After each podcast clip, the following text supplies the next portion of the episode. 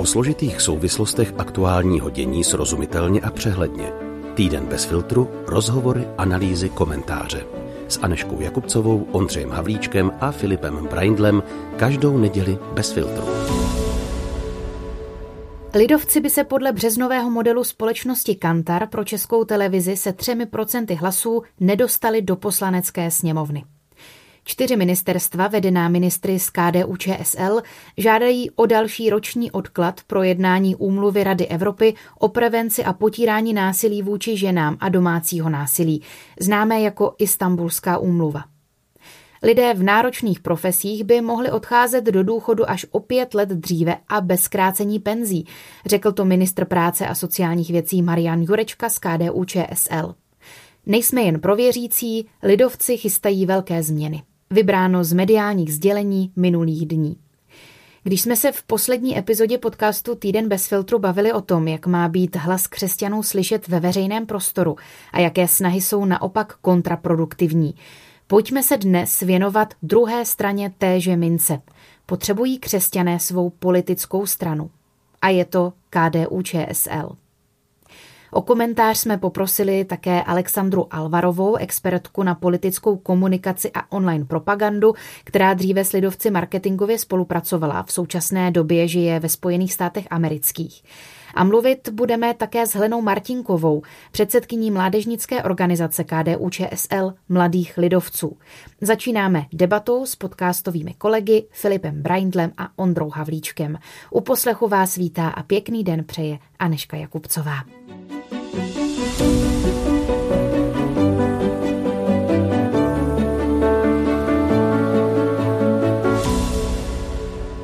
Pánové, potřebujeme jako křesťané svoji politickou stranu?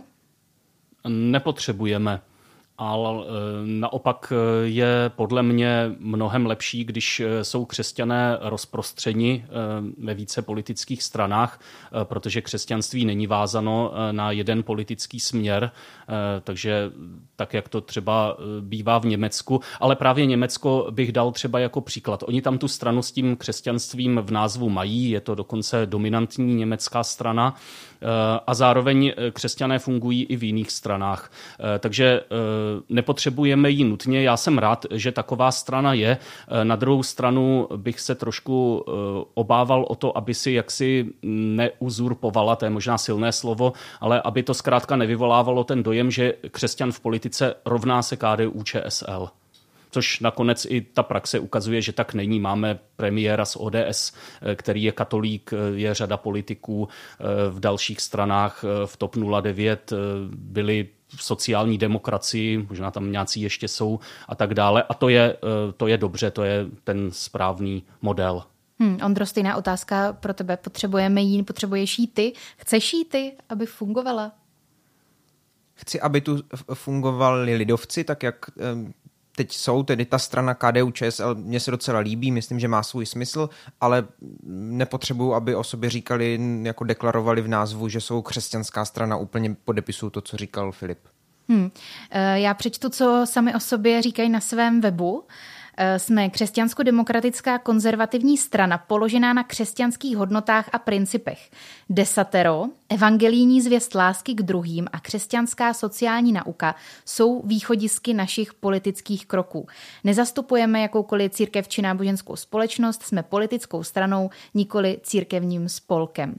Když to takhle slyšíte a mluví se tam o desateru a evangelijní lásce k bližnímu, lze vůbec uvažovat o tom, že by se eh, tady tyhle ty snahy a třeba nějaké mm, křesťanská sociální nauka ehm, a program té strany nějak oddělila od toho slova, eh, od toho programového křesťanství? No je, protože tohle já teda chci jako volič, aby měla každá strana vlastně, i když to třeba tomu neřekne desatero a evangelijní zvěst, tak ale ten princip eh, chci u každýho a nepotřebuju to mít spojené s tím deklarováním připojení ke křesťanství.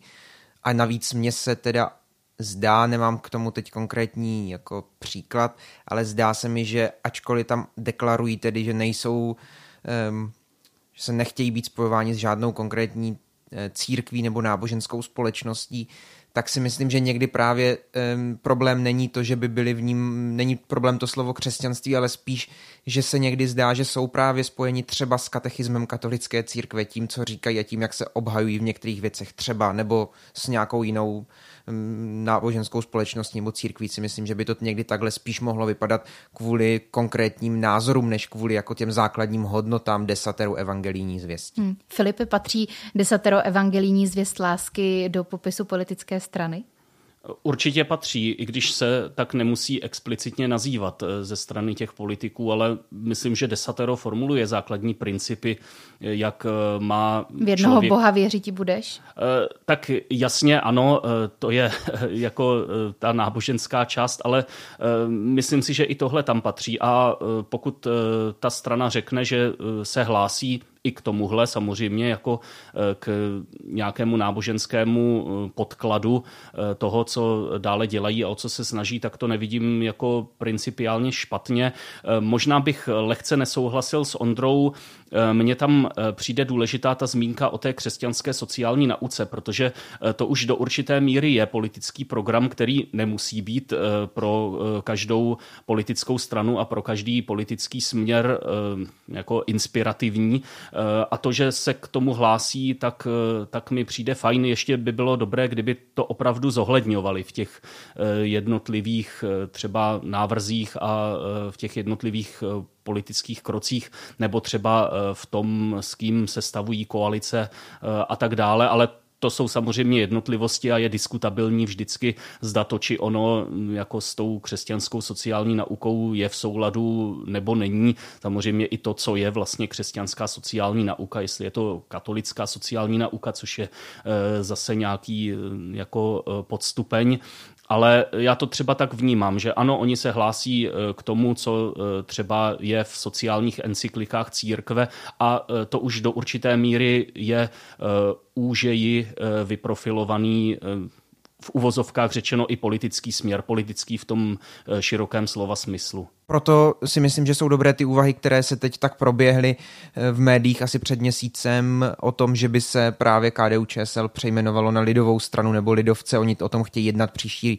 rok na svém sjezdu a myslím, že to možná je pravděpodobné, že se to stane, tak uvidíme. To by mi třeba přišlo, že se jako je vlastně mm, by mi bylo blíž, blížší než ten dlouhý, složitý název e, navíc s tím křesťanstvím v, v sobě. Hmm. A jenom, promiň Filipe, nezapomeň to, e, ještě teď mě pověz, kdyby e, z názvu zmizelo křesťanská, ale tady v, v těch popiscích a ideích východistích té strany bylo desatero evangelijní zvěst lásky, tak tam už ti to nevadí, jde ti o ten název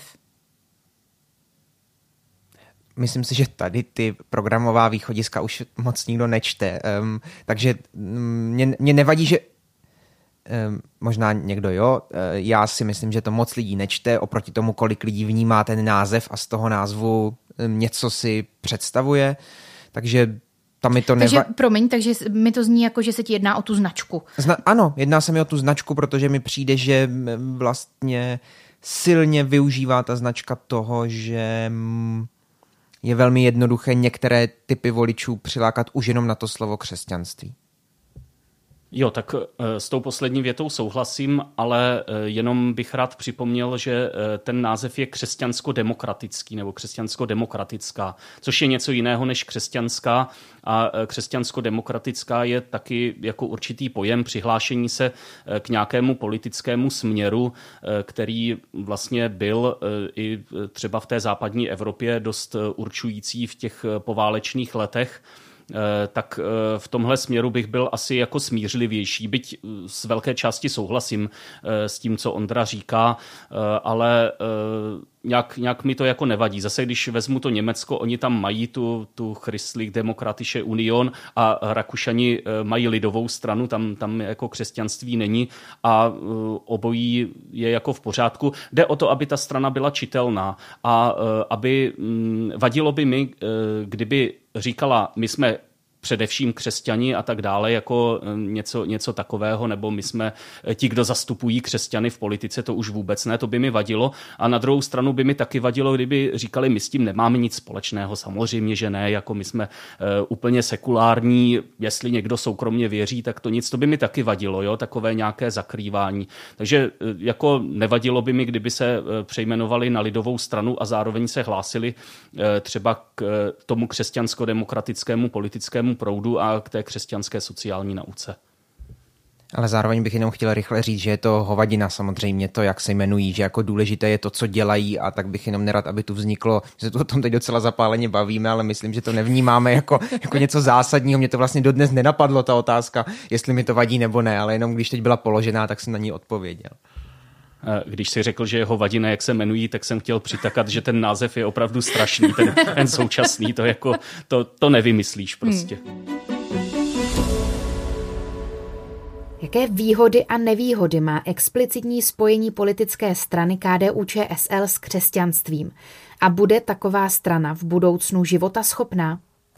Zeptala jsem se odbornice na politickou komunikaci, mimo jiné autorky publikace Průmysl lži o manipulacích a dezinformacích Alexandry Alvarové. Dostali jsme se nejenom díky překotnému vývoji technologií, ale díky naprosté změně konfigurace na geopolitické scéně do situace, kdy staré uspořádání Evropy a Ameriky, to je z té euroamerické civilizace, už neplatí. V mnoha ohledech. Už neplatí rozdělení, staré rozho- rozdělení hodnot na levici a pravici, kterou jsme zažívali celé 20. století, protože se oba dva obsahy naprosto vyprázdnily.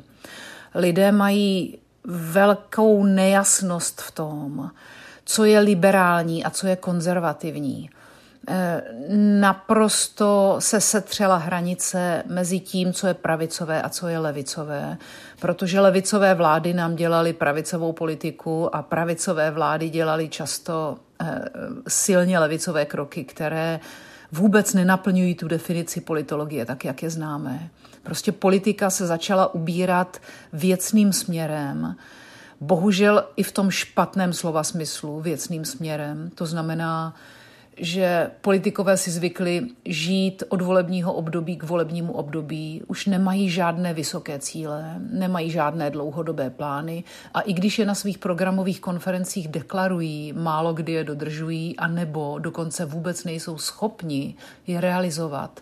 Prostě proto, že politická konstelace ve vládě jim tohle nastavení neumožňuje. V téhle situaci si klademe otázku, jestli má smysl dávat do názvu strany křesťanská ze dvou důvodů.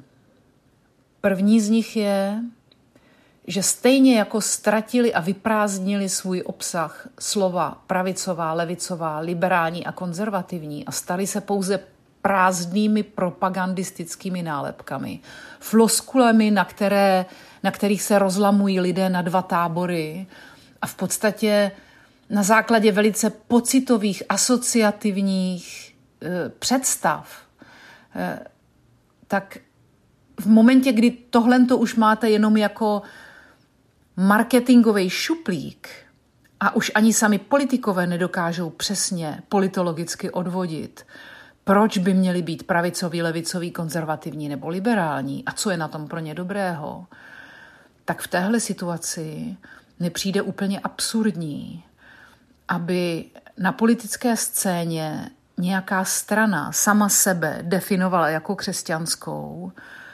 když úkoly, které teď politická scéna nejenom v Čechách, ale všude na světě má, jsou ryze humanistické, lidské a řekněme intelektuálně náročné, protože klade před nás každé volební období a každý rok před nás klade doba výzvy, se kterými jsme se nikdy předtím nesetkali. A kde je to slovo křesťanská použitelné maximálně v tom kontextu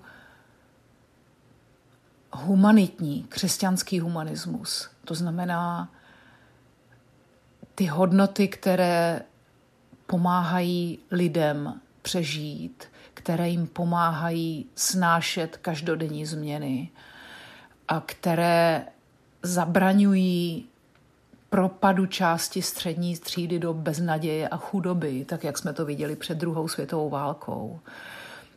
Ale problém je v tom, že křesťanská strana v české společnosti zejména nemá absolutně žádný potenciál tyhle ideje prosadit. Je po 20 letech, a říkám to s vědomím toho, že jsem byla vlastně členem Lidové strany od roku 1991, po 25 a 20 letech jsem dospěla k závěru, že vystavět identitu na slově křesťanská a vystavět si vlastní slovník, vlastní program a vlastní ghetto okolo slova křesťanská je tím nejhorším vyprázdněním křesťanství, jaké v současné době můžeme pozorovat. A bylo tak směšně jednoduché pro ruské a některé americké propagandisty pod pláštíkem toho slova křesťanství vyvolat fašizaci, extremizaci a nenávistnou radikalizaci, která se zmocnila všech křesťanských stran vlastně po Evropě, ale i v Americe, bez výjimky. Čili můj názor je, že spojovat explicitně politickou stranu s křesťanstvím je možné pouze v případě, že existuje generace vysoce vzdělaných politiků, kteří umějí vyargumentovat, proč křesťanský rovná se lidský. A já nevidím žádného politika na české křesťanské scéně, který by tohle vyargumentovat uměl. Nepřetržitě sleduju zápas politiků na české politické scéně, kteří se identifikují s pojmem křesťanství, víra, křesťanská politika. Zápas o to udržet tu identitu přes myšlenku, která souvisí s křesťanskou sociální naukou jako východiskem. A bohužel taky sleduju, jak i ti nejlepší z nich, kterých si hluboce vážím, permanentně selhávají a uchylují se nakonec k tomu jedinému, co té straně nakonec může vynést hlasy. A to je ta tribální identita, která ale se samotným křesťanstvím téměř nesouvisí. Ta souvisí jenom s opakováním slova křesťanství, s opakováním slova křesťanské, eh, s máváním symboly. To je to, co ta tribální identita je to, co nahání ty hlasy téhle straně. A tahle strana má mnohem navíc a zasloužila by si víc. Ale není schopná v rámci takto úzce definované politiky prosadit to, co lidé v současné době potřebují. Je to strašně smutný, protože já sama se považuji za člověka, který celý život volil křesťanskou stranu a byl u jejího vlastně vzniku polistopadového. Ale jsem po, tě, po tom všem, co jsem viděla, zažila a byla jsem u mnoha voleb a i jako marketér u mnoha voleb, eh, speciálně pro KDU ČSL, jsem pevně přesvědčená o tom, že opakování slova křesťanská a slovo křesťanská v názvu je neřešitelný problém pro tuhle stranu a je to nepřekročitelná laťka k jejímu dalšímu politickému působení. Já nevidím a nenašla jsem na české politické scéně politika, který by dokázal dát plný, stravitelný, populární obsah tomu slovu křesťanská a stravitelný pro většinu české společnosti. A ta strana je odsouzená k identitární politice uzavřené ve svém vlastním getu, kde platí určité hodnoty, platí určitý slovník a platí určité osobní vazby, ale nikdy v životě už se z toho geta nedostane, protože se nedokázala nedokázala překročit ten, ten stín toho slova křesťanská. I ti nejlepší z nich, i politikové, jako byli Josef Lux, byli nakonec vázáni a nuceni tím identitárním požadavkem, který tím tlakem, který vyvíjí samotná členská základna, která se sestává z 95% z katolíků, na udržování identitární, tribální rétoriky a politiky, která ale většině země vůbec nic nepřináší.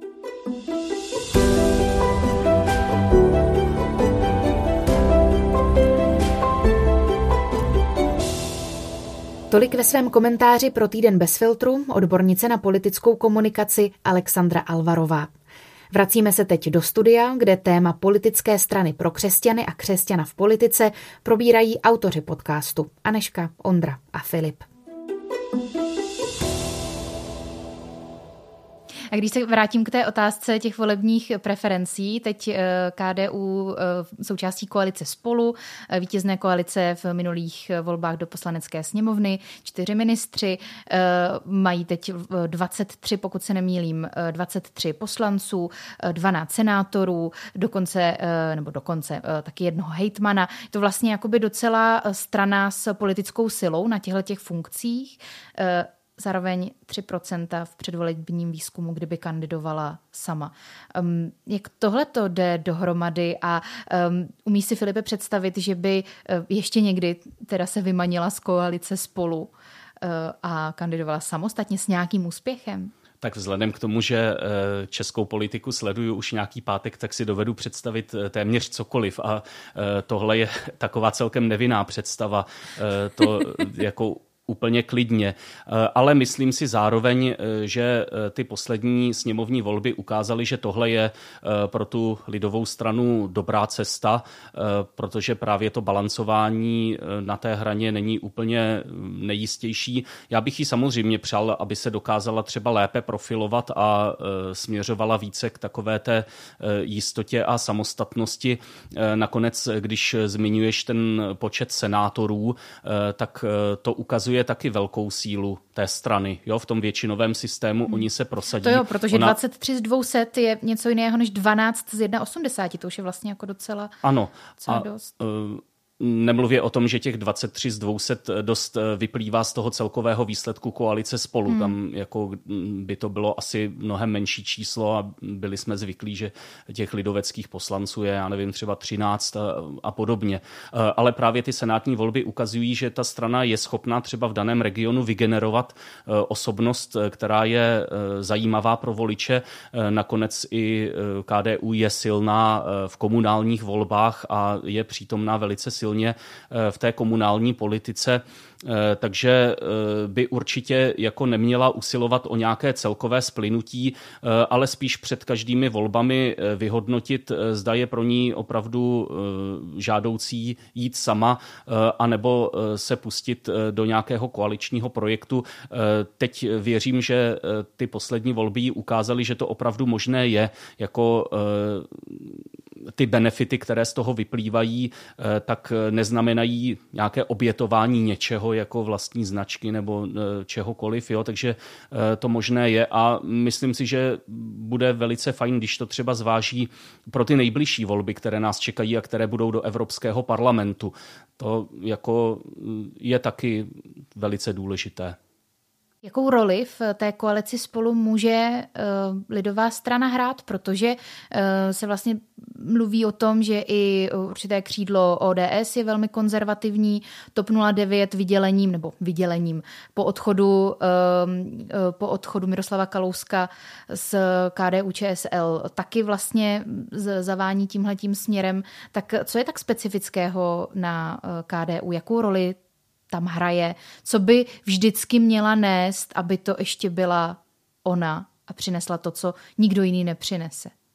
Eh, zase tam ale vidím trošku jeden moment, eh, který je možná specifický pro tuhle dobu, ale možná je specifický i eh, pro celou tu demokratickou éru, že mi trošku přijde, že ta KDU pro určité lidi, pro určité voliče je takový jako záchranný kruh, který je udrží ještě jako na té demokratické straně. Jo, že právě dobře zanikne, nebude, přijde někdo jiný, tak se trošku děsím, kdo se ujme určitých voličů lidové strany jo, určitého typu lidí. Trošku se bojím, že to nebudou jako jiné demokratické strany a že tihle, tihle lidé pak snadno sklouznou k nějakým populistům. Jo, to je můj dojem a neříkám ani, že je to dobře, jako že by ta strana měla mít tenhle účel, jo? to je spíš otázka nějaké celkové politické kultury a uh, politického Záchrané vzdělání. to, ale, než upadneš ale do jako vnímám, vnímám tenhle moment, jo? že ti lidé hmm. prostě, uh, kdyby neměli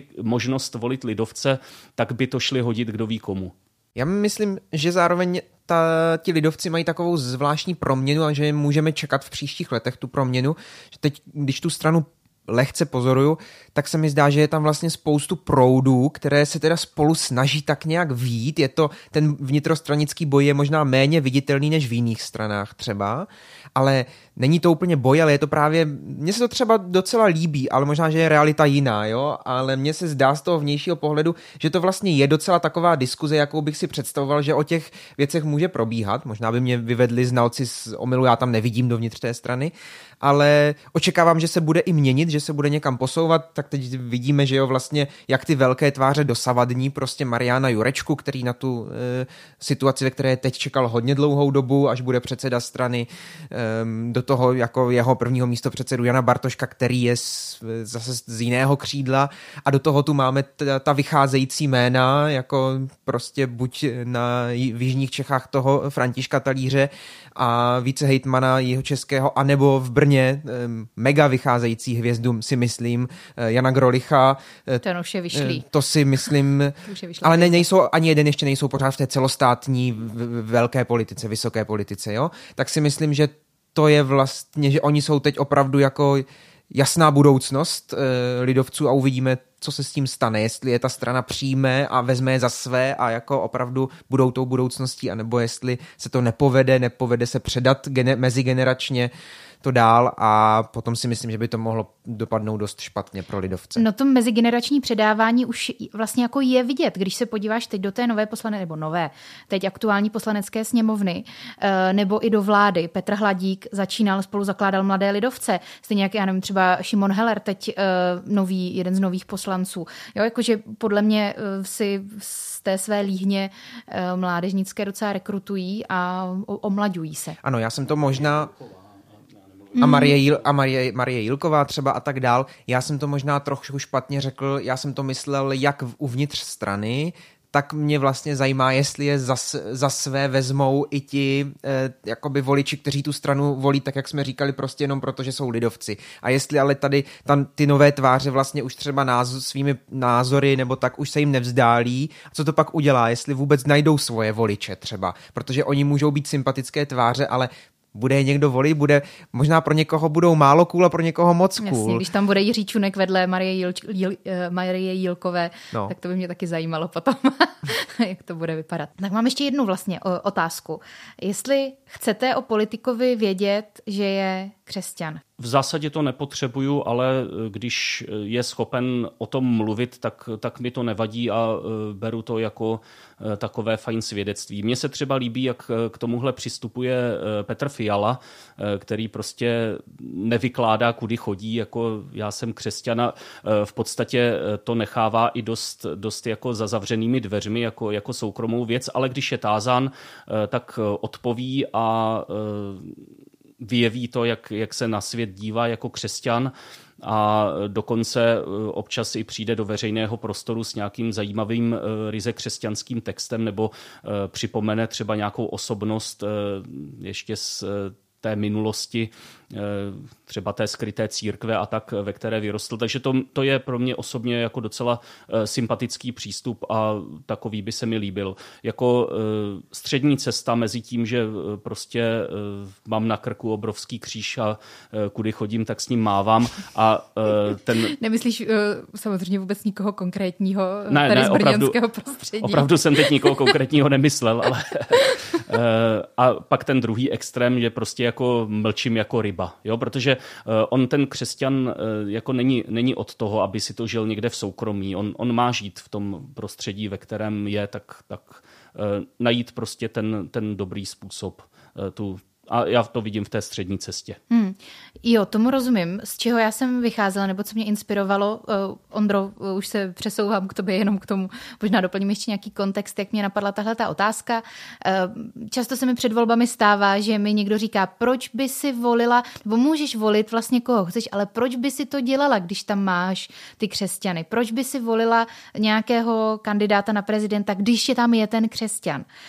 Um, tak v, takhle zarámováno eh, potřebuješ, Ondro, vědět, jestli je politik křesťan nebo není. Určitě to vědět nepotřebuju. Rád volím um, lidi, kteří nejsou křesťané, nejsou věřící. Um, rád budu volit i lidi jiného vyznání, nemám s tím problém. Ale zároveň uznávám, že tak jako jiné informace o lidech můžou být prostě znamením něčeho pozitivního. Ne v každém případě, ale v nějaké většině případů, jo. Třeba stejně tak, když eh, někoho potkám a dozvím se, že je scout, tak prostě mám od toho nějaké očekávání, protože předpokládám, že se řídí nějakými principy, že je pro něj něco důležitého a podobně. A stejně tak to mám u toho křesťana, takže když to ten politik řekne, tak si říkám, aha, tak asi um, ho zajímá podobný styl života jako mě a přijde mu inspirativní a přijde mu dobrý, takže to ve mně vzbuzuje nějakou důvěru, Možná o to spíš jsem potom přísnější na toho člověka, protože si říkám, ale jak to, že děláš tohle? Co si o sobě myslíš, když si deklaroval, eh, že tebe zajímá tenhle styl života stejný jako mě. Takže to je jedna věc. Ehm, teď k tomu ještě k tomu doplnění té otázky, který si, kterou si říkala, tak to jsme zažili třeba v prezidentských volbách teď, že jo?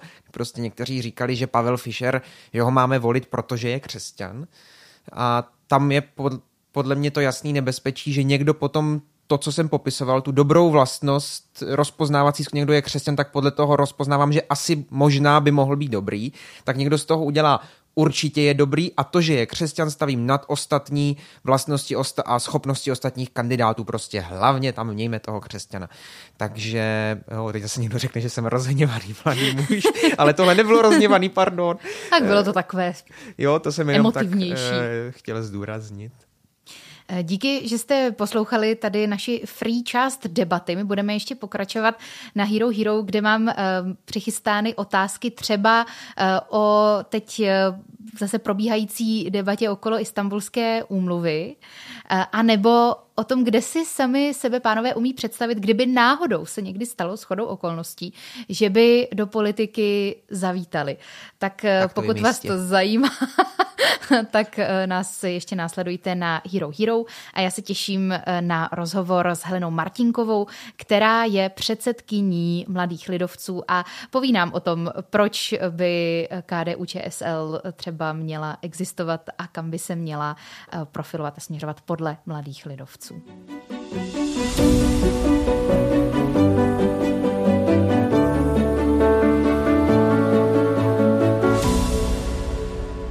Hostem podcastu Týden bez filtru je Helena Martinková, znovu zvolená předsedkyně Mladých lidovců, což je mládežnická organizace eh, politické strany KDU ČSL. Paní Martinková, vítejte v podcastu. Díky, že jste si udělala čas. Dobrý den, děkuji moc za pozvání. Eh, pojďme hnedka z hurta na to. Eh, potřebují podle vás křesťané, ať už jako voliči nebo jako politici, svoji politickou stranu? Já si myslím, že uh, lidé věřící, že určitě potřebují mít strany, které jsou jim jako politicky otevřené. To si myslím, že je jako zcela zásadní, protože si myslím, že pro ty lidi uh, je to věc, která jako, řekla bych, výrazným způsobem definuje ten jejich život takže uh, si myslím, že jako potřebují, potřebují mít to politické zastoupení, které je k ním jako přívětivé a vlastně bere, uh, bere tu víru, bere to křesťanství, uh, speciálně u nás, uh, jako něco, co prostě má nějakou váhu a, a je to reflektováno. Jednoznačně jedno z těch stran KDU ČSL, tím jsem si naprosto jistá. A ač si jako myslím, že prostě uh, KDU ČSL má jako strana, která má co nabídnout a je důležitá na tom jako českém politickém spektru, tak uh, se tady velice uklidňuje to, že to jako není jediná strana, která jako je přívětivá k křesťanům, protože si myslím, že to jako ukazuje jako tu vitalitu té, té um, jako naší společnosti, jo, že to není závislé jenom na nás, protože kdyby to bylo, tak si myslím, že by to byla celá škoda. A v čem tedy je uh, ta specifická úloha přímo uh, lidovců, když mluvíte o tom, že to zastání v tom spektru uh, je možné vidět i jinde? Proč potřebujeme stranu, která má v názvu uh, křesťanství? Tak já si myslím, že to jako křesťanství je jedna z těch jako složek a hlavně si myslím, že dává jako to takový ten jako pevný, pevný základ tomu, tomu vlastně, co, čím jako KDU ČSL je. Ale KDU ČSL musí být sama o sobě mnohem jako víc než strana pro křesťany, i v tom jako um, v tom českém, jako v tom českém spektru, i v tom jako společenském spektru a, tom, a vlastně tomu množství uh, věřících, které vlastně uh, v České republice máme. Takže my jako z principu musíme být víc než to. To je úplně jako jasné. Protože si myslím, že i zároveň jako tak, jak je vlastně ta skupina těch věřících lidí v České republice docela malá, tak je i tak jako velmi, velmi různorodá. Takže my vlastně jako mnohdy nedokážeme pokrýt celou tu skupinu, protože jsme křesťanská demokratická strana, která je zároveň spíš konzervativní než liberální, což samozřejmě někteří křesťané můžou mít hodně jinak. Jo. To místo, nebo ta mise uh, KDU ČSL vlastně jako mnohem víc o tom, v co vlastně se snaží jako ty svoje křesťanské demokratické hodnoty uh, transformovat v té své politice. A to je vlastně jako záběr uh, na ty rodiče, na vlastně, na, na, jako na ten lidský život od prvopočátku do konce. A to si myslím, že je jedna jako ze základních, jako jedno ze základních poselství nebo misí vlastně těch křesťansko-demokratických stran. Přistupovat tomu e, jako lidskému životu důstojně od vlastně jeho prvopočátku až po jeho konec. A to si myslím, že je vlastně jako věc, kterou se my snažíme a v rámci té své politiky a toho, co děláme, jako pokrýt. Um, jasně, důstojný život od začátku do konce. Já jsem nechtěla mluvit o istambulské umluvě, eh, ale hrozně mi to nahrává, Eh, Istanbulská umluva, eh, umluva Rady Evropy eh, o potírání násilí na ženách a jinak genderově podmíněném násilí. Teď je nová zpráva ve veřejném prostoru, nebo nová aktuální, že čtyři ministři lidovečtí prosí o znovu další zdržení ratifikace u nás. Jak to jde dohromady podle vás s tím, co říkáte s tou ochranou života od začátku do konce a důstojného, důstoj, podpora důstojného života? No já si takhle. Uh, jedna věc je Istanbulská umluva, druhá věc jsou uh, praktické kroky. Já se myslím, že nejde proti sobě, ale neznamená to, že uh, jako bez Istanbulské umluvy jsme jako nereaktivní. A vlastně jako díky KDU ČSL přišel jeden důležitý institut a to je institut vykázání, který si myslím, že v rámci vlastně jako uh, řešení jako uh, domácího násilí a je jedna, jako jeden z důležitých nástrojů, který lze aplikovat uh, v momentech, které prostě nejsou správné. A zároveň, jak, jak, jak lze, lze vidět lze vidět třeba i um, jako těch dalších činnostech, které vlastně my vytváříme, a to, se, to jsou třeba činnosti týkající se redefinice znásilnění, uh, tak, uh, tak si myslím, že to je naprosto jasné, že ta, jako, ta, uh, ta činnost uh, tomuhle se věnující je, uh, je Vína. Další věc je teda ta istambulská umluva. Dle všeho naše, naše mateřská strana prostě ještě potřebuje čas. Tak si ho, tak si ho tímto vzala a uvidíme, uvidíme co, co z toho vzejde. Každopádně asi prostě jako mo, mo, moje sdělení je to, že jako je, je naprosto zřejmé, že podle těch, podle těch jako kroků, které KDU ČSL dělá, tak prostě uh, témata týkající se jako domácího násilí a, a vůbec sexuálního násilí a nejsou jako něčím, co bychom prostě jako svou, svou aktivní, aktivní politikou nějak jako podceňovali nebo tlačili, tlačili mimo, mimo to, to spektrum té pozornosti. Já se zeptám ještě eh, vlastně oklikou, protože mě na to přivedla tahle ta rovina. Um, jak vy jako mladí lidovci komunikujete s tou velkou politikou, která se děje uh, ve sněmovně, v senátu, na hejtmanstvích, uh, na magistrátech? Jak jak vy promlouváte do velké politiky a naslouchají vám uh, politici, kteří už ty funkce mají?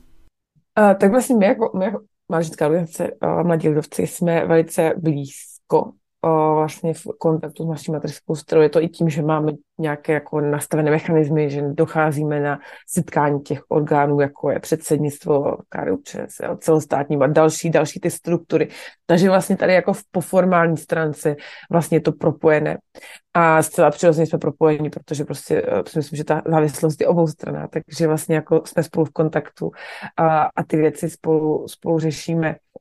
Um, já, jako, já beru mladé lidovce a vůbec tu organizaci jako místo, kde se vlastně jako jde příležitost a kde je dobré prostředí pro to vlastně ty svoje názory jako kultivovat, diskutovat, uh, společně nimi přemýšlet a vlastně pak je nějak jako formovat. Myslím si, že nejsme uh, spolek lidí, kteří mají hotový pohled na svět, ale mají prostě ty základní věci některé velmi společné.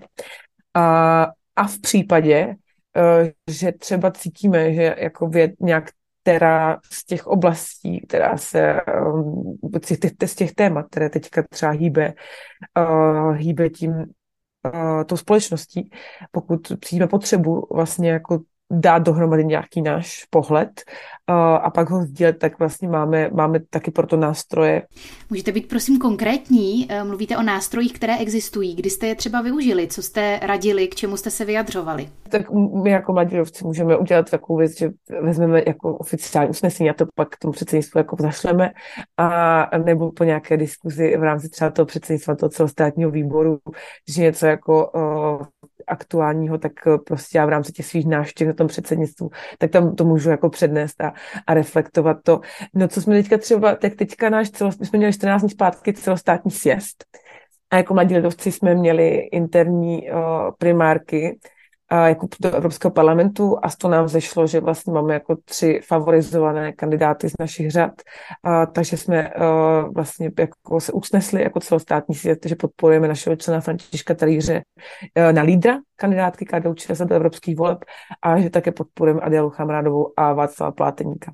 Takže to jsme se vlastně takhle usnesli a pak jsme to, pak jsme to přednesli. Třeba jsme upozorňovali o, historicky, o, teďka už nejsem jistá, jestli to bylo, ně, myslím, že to bylo během covidu, o, tak jsme například o, třeba jako o, přednesli naší materské straně o usnesení týkající se vlastně jako větší, o, větší podpory o, duševního zdraví a vůbec jako nějaká prevence a těchto věcí, takže to nebyl, jako nebyl to nesouhlas a bylo to spíš jako, že jsme se jako, že jsme to, že jsme tím jako chtěli eh, připomenout něco, eh, co je, eh, co je jako pro nás, pro nás důležité, no. Takhle, já si myslím, že jako na té osobní bázi ti členové s těmi, jako mezi těmi členy mladých lidovců a kádu jako hodně komunikují a mnohdy třeba i vyjadřují nesouhlas.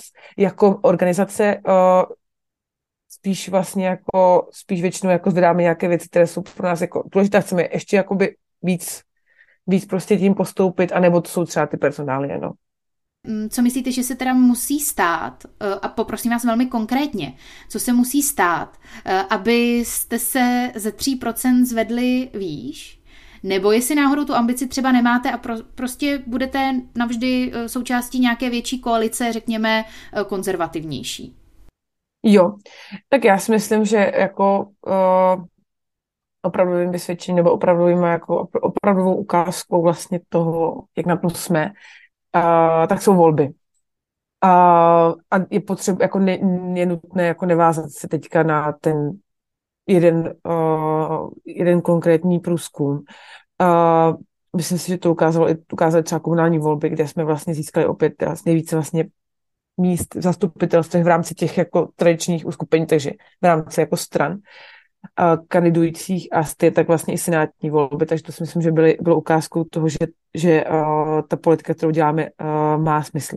Já jako, uh, každopádně já jako lobbysta mladý, já bych řekla, že potřeba víc mladých.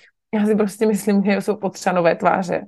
Takže já si myslím, že pro uh, další volby do poslanecké sněmovny, ať půjdeme jakkoliv, uh, tak je potřeba podporovat uh, ty talenty, podporovat ty mladé lidi, kteří dokážou o té, uh, i o, tom, o, o té víře, i o tom křesťanství, o té kombinaci vlastně tady toho jako uh, toho dívání se na svět touto perspektivou, ale zároveň jako toho, že prostě nejsou, že vlastně jako reflektují to aktuální dění, že to jsou věřící lidé, že to jsou mladí lidé ale ti, ale ti, kteří vlastně dokážou vlastně reflektovat tu společnost a ty proměny, tak to si myslím, že je prostě potřeba tam mít tyto lidi. No. Já velmi rozumím tomu jako té citlivosti k těm jako konkrétním krokům, ale myslím si, že na konci dne je velmi důležité podívat se na ten komplex a ten komplex musí dávat smysl. A já i, i skrze to, že vlastně můžu, uh, mám tu čest uh, vést tu 40 hlavou organizaci mladých lidovců, tak vidím, že ty lidi jsou a my jenom musíme dát prostor. Stejně jako jim, pod, jako musí, stejně jako jim musí dát prostor mladí dovci, tak jim musí dát prostor ta mateřská strana.